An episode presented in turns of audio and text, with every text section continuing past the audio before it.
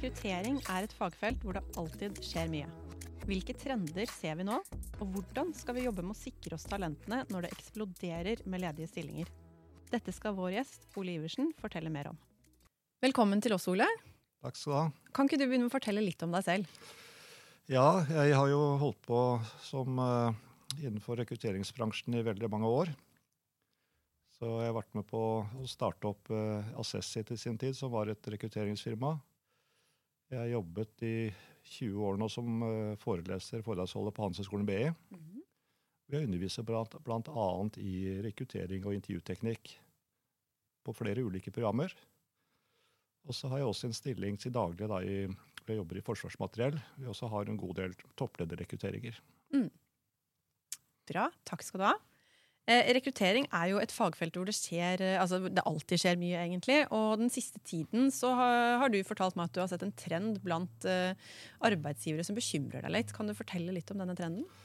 Ja, altså det er, er sånn at veldig mange store virksomheter de skal prøve å redusere staber og sentrale støttefunksjoner.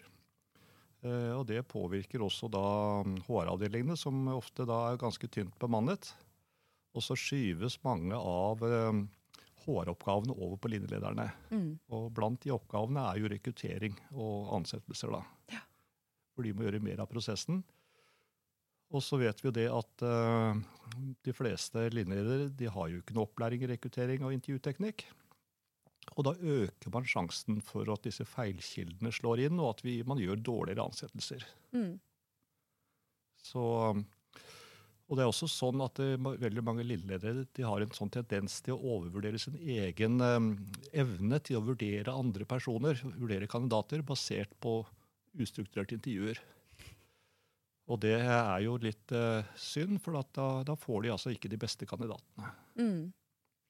Er det noen spesielle fallgruver du ser at uh, kanskje ofte går igjen, altså annet enn at man overvurderer egen kompetanse? Eh, eller er det andre ting du ser går mye igjen blant linjeledere? Altså det vi jo vet, eller ser, da, det er jo at disse feilkildene som eh, det ene som vi for kaller likhetseffekten, at vi, vi, liker folk som er like oss selv. Mm. Så det er da en tendens til å ansette folk som, som er lik den selv. Mm. Den er, jo, er man ikke klar over den effekten, så er det lett for en linjeleder å tenke at uh, denne kandidaten liker jeg best. Og så ansetter man den kandidaten man liker best, istedenfor den som er best kvalifisert. Mm. Så vi vet at økt struktur på intervjuet eller økt struktur på hele prosessen det gir eh, bedre, bedre grunnlag for å vurdere kandidatene opp mot hverandre. Og bedre grunnlag for å, for å vurdere hvem som er best kvalifisert. Mm. Absolutt. Og jeg må innrømme, jeg var jo egentlig ganske overrasket over denne trenden. For uh, ut fra ja, egen virksomhet og eget nettverk har jeg jo egentlig sett det motsatte. At uh, en del virksomheter egentlig i større grad satser på rekruttering. Jeg hørte noen her i høst uh, si at rekrutterere var de nye utviklerne. fordi det var litt sånn kamp om gode rekrutterere. Hva, hva, tenker du om det? Er du enig, eller er det jeg som lever, lever i en liten boble? Det er nok litt tosidig, dette her. Det er klart at Virksomheter som har forstått hvor viktig det er å få på plass de riktige personene, Eh, og forstått hvor stor betydning det har for, en, for ja, overskuddet eller for resultatoppnåelsen i en virksomhet, de satser jo på å ha profesjonelle rekrutteringsprosesser med, med kompetente rekrutterere. Mm. Vi vet jo i dag så mye mer om uh, hvor viktig personlighet er i en jobbsituasjon.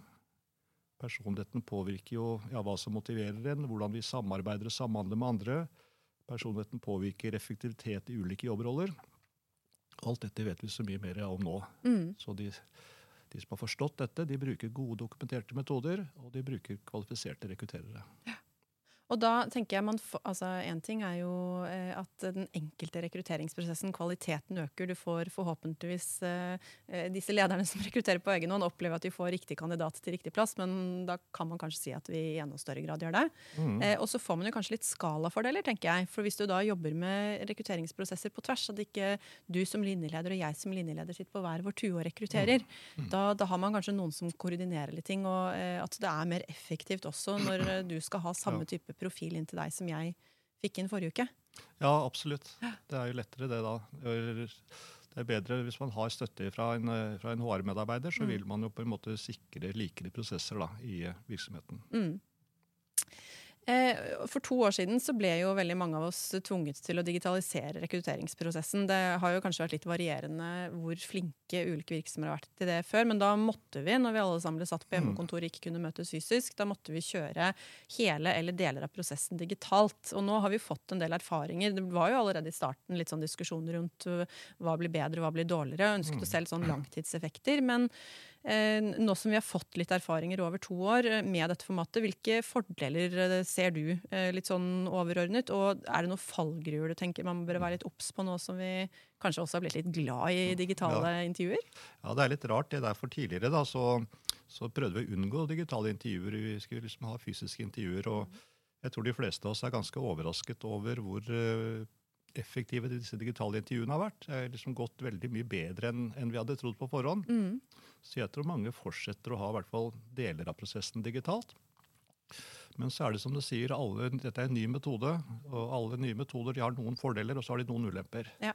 Så effektivitet er i hvert fall en klar fordel? Så en klar fordel er effektivitet. ikke sant? Besparinger i tid, kostnader, reiseutgifter osv. Lettere, lettere å innkalle folk på intervju.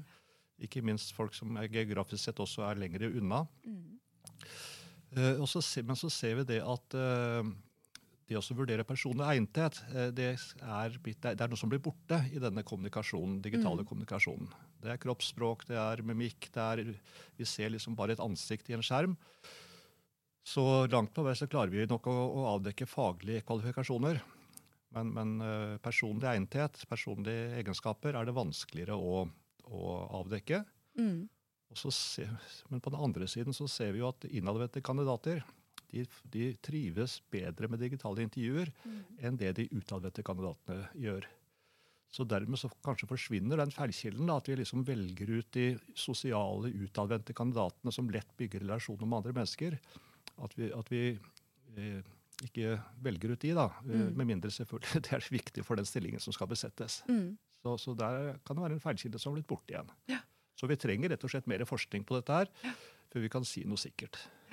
Og eh, med fare for å egentlig tråkke litt i salaten, så tenker jeg jo ut fra det du sier at eh, i noen typer stillinger hvor det kanskje ikke er så viktig altså sånn, Skal du ha en selgerprofil, f.eks., så, så trenger du åpenbart en som kan komme inn og sånn, ta rommet og overbevise og, og være litt trygg. Kanskje også i en mm. intervjusetting er jo litt sammenlignbart. Mm. Men skal du ha en utvikler eller en kontroller, så kanskje det er bra å fjerne noen av de feilkildene. For mm. det er oftere kanskje litt mer introverte profiler. Ja, da, absolutt. Det er mange stillinger hvor det er en fordel å være innadvendt. Mm. Du nevnte noen av de, ikke sant? De som skal jobbe med regnskap, analyser, økonomi. Eh, så det er mange stillinger det er en fordel, og, og ikke det er den utadvendte kandidaten vi er på jakt etter. Mm. Så da kan vi kanskje i større grad designe Én ting er rekrutteringsprosessen for effektivitet og, og legge litt sånn trykket der vi mener det er viktig å møtes fysisk, men også i forhold til ulike profiler så kan man jo løfte prosessen hvis man tilpasser litt etter hva man skal ha. Mm, absolutt. Mm. Kampen om talentene er jo noe som mange opplever kanskje har tilspisset seg enda mer den siste tiden. Det er mye skriverier i aviser og LinkedIn og hvor det måtte være. Mm. Eh, hvilke trender ser du eh, i hvordan virksomheter jobber med å tiltrekke seg ansatte nå? Altså, dette her, det er jo helt riktig at det ser ut som det er hardere konkurranse om arbeidskraften nå enn det var tidligere. Og det å jobbe med attraktivitet som arbeidsgiver, eh, eller employer branding, det er jo viktig for virksomheter. Eh, du må jo ha søkere. Når du lyser ut stillinger, så må du ha søkere. Du må ha noen å velge blant. Hvis ikke så, så blir det ingen ansettelser. Så vi ser jo nå at veldig mange virksomheter eh, altså Tidligere så var det mye på karrieredager og sånne ting. Nå har det ikke vært så mange sånne samlinger de siste to årene pga. pandemien. Mm. Men det er jo økt profilering i sosiale medier. Det ser f.eks. Eh, programmert annonsering brukt, eh, hvor vi får jobbannonser eh, opp i feeden vår, om det er på Facebook eller på nettavisene vi leser. Mm. Så vi ser en økt bruk av det. Og vi ser også det at mange er opptatt av denne profileringen når virksomheter bruker store penger på sponsing av idrettsarrangementer, kulturarrangementer, mm. så er jo det en form for merkevarebygging som arbeidsgiver. Ja. At de vil framstå som attraktive arbeidsplasser. Funker det? Ja, det, jeg, jeg, tror det funker. Jeg tror det funker. Og, og vi ser jo også at det er stor oppmerksomhet rundt disse kåringene som er årlige om, om uh, attraktive arbeidsgivere. Det er flere ulike kåringer der. Ja, og det er jo et interessant tema i seg selv. Ja, det er ja. det. Så, Så der er det jo eh, den mest kjente kåringen. Det er den som Universum har, hvor de har to ulike rapporter. En for nyutdannede og en for de som har jobbet noen år. Og hvert eneste år den publiseres, og så får de altså store oppslag i, i nyhetene. Så, mm. så det er nok en fordel for de som står på toppen. Mm, absolutt. Og så er det jo andre undersøkelser. Det er jo noen eh, betalte også? Ja, altså du har jo den som heter Great Place to Work. Ja. Som er en undersøkelse, en, ja, utgir seg for å være en form for medarbeiderundersøkelse, som skal si litt om hvordan medarbeiderne trives. Mm.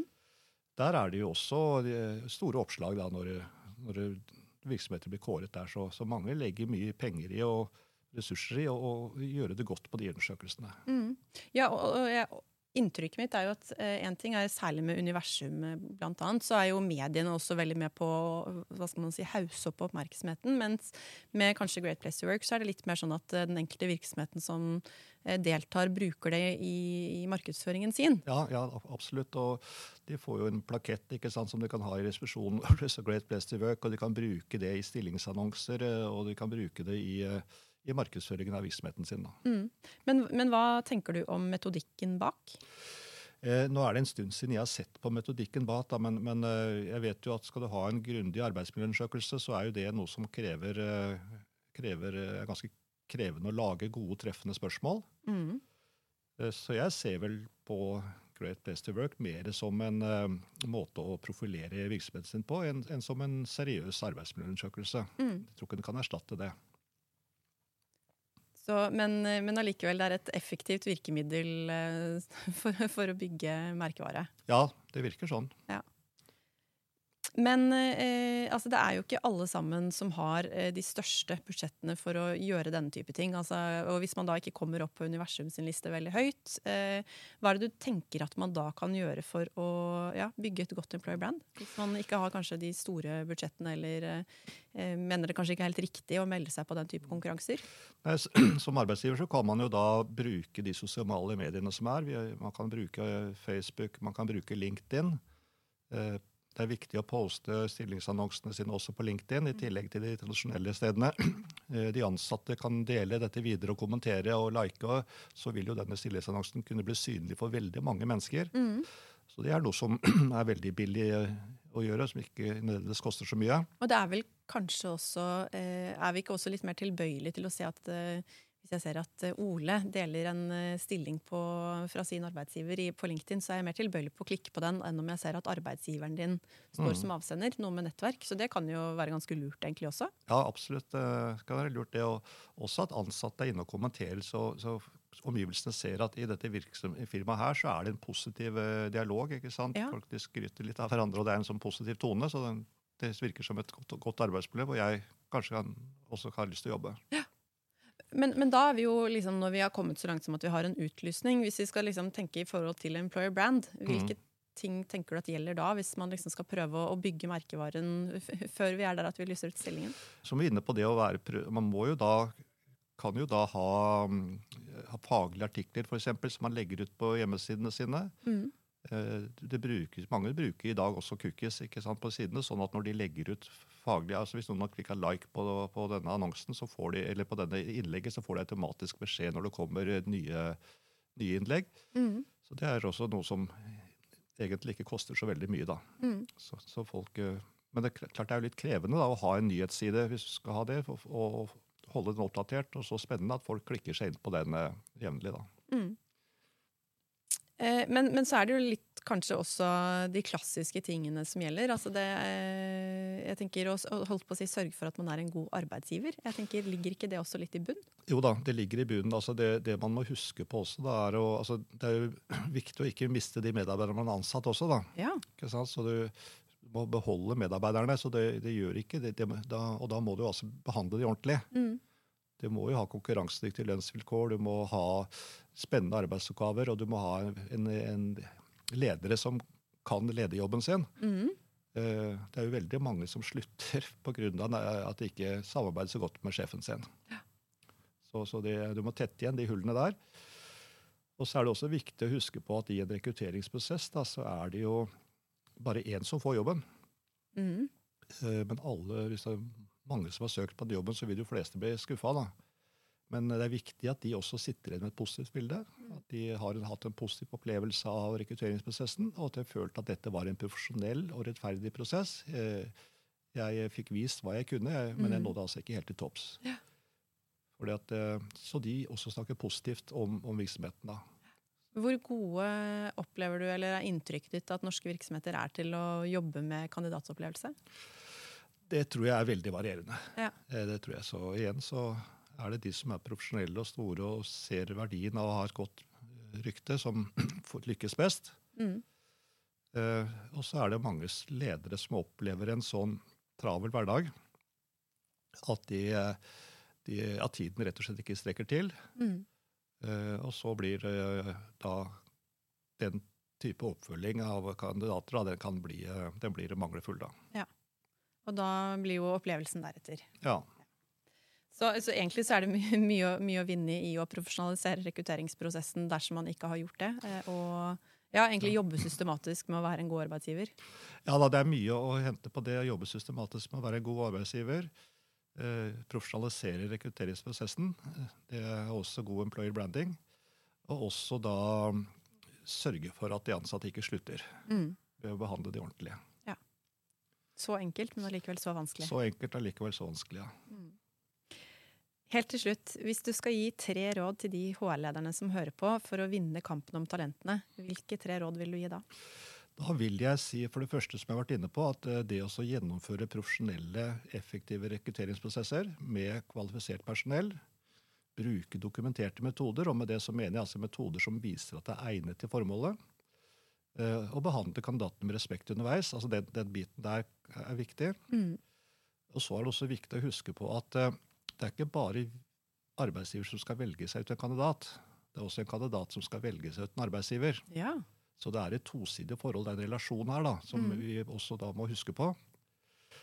Eh, Og det tredje er eh, det å sikre gode introduksjonsprogrammer. Vi vet det tar åtte til ti måneder, kanskje tolv måneder, før en nyansatt er på innsiden og Mm. føler seg som en del av denne virksomheten eller som en del av familien. Ja. Den tiden er de sårbare for å slutte. Så det at vi har gode introduksjonsprogrammer, så de kommer godt i gang, Mm. det reduserer turnover, og det øker tilfredshet. Så det er mange penger å spare på det også, å ha gode introduksjonsprogrammer. Men eh, nå må jeg nesten følge opp særlig siste punktet. Men har du noen eh, sånn quick wins eller tips for liksom, hva bør man sikre sånn helt grunnleggende i eh, et godt onboardingsløp for å ivareta ansatte, særlig den sårbare fasen? Ja, Det er selvfølgelig viktig at, det mest, alt er klart første arbeidsdag vedkommende kommer. Mm. Og Det burde kanskje begynne før det også, med å sende litt informasjon, eh, ha litt kontakt med kandidaten i kanskje de tre månedene vedkommende har oppsigelsestid. Holde kandidaten varm? Holde kandidaten varm, ja. ofte Mm. er det liksom en periode hvor den nåværende arbeidsgiveren på en måte skyver folk litt ut i kulden, og den nye venter med Mm. å ta kontakt. Men sørg for at alt er i orden når du kommer. Så det praktiske, så ikke det er noe tull rundt kontorer og PC-er og mobiltelefoner, at det liksom er, er greit. Mm. Eh, og så er det å tenke litt på hvilke sosiale arenaer er det viktig å få disse kandidatene inn på. Én ting er at de skal, altså Faget det kan de ofte når de begynner. Det er mm. derfor de er ansatt, fordi de har- er faglig kvalifisert.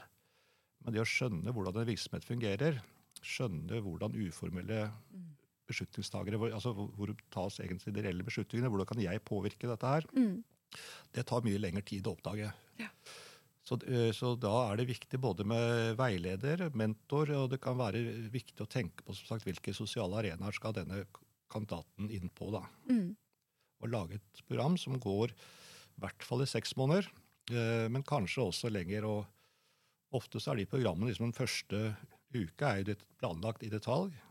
Eh, Og så når det kommer til den andre, lenger ut, så blir det jo ikke liksom planlagt så detaljert. Da blir det litt mer grovere planer. Så alt er, eh, alt er eh, på plass da.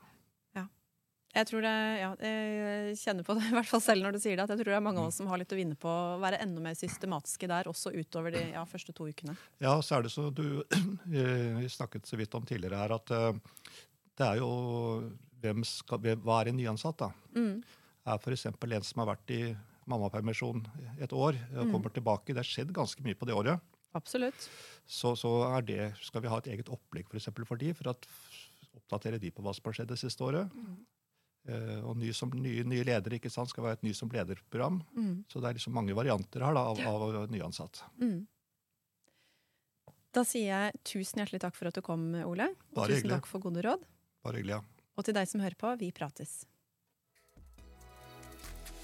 Hvis du har temaer eller spørsmål du ønsker vi skal diskutere, send oss gjerne en mail på hårpratatvisma.com. Og for flere episoder, sjekk ut visma.no slash podkast slash hårprat.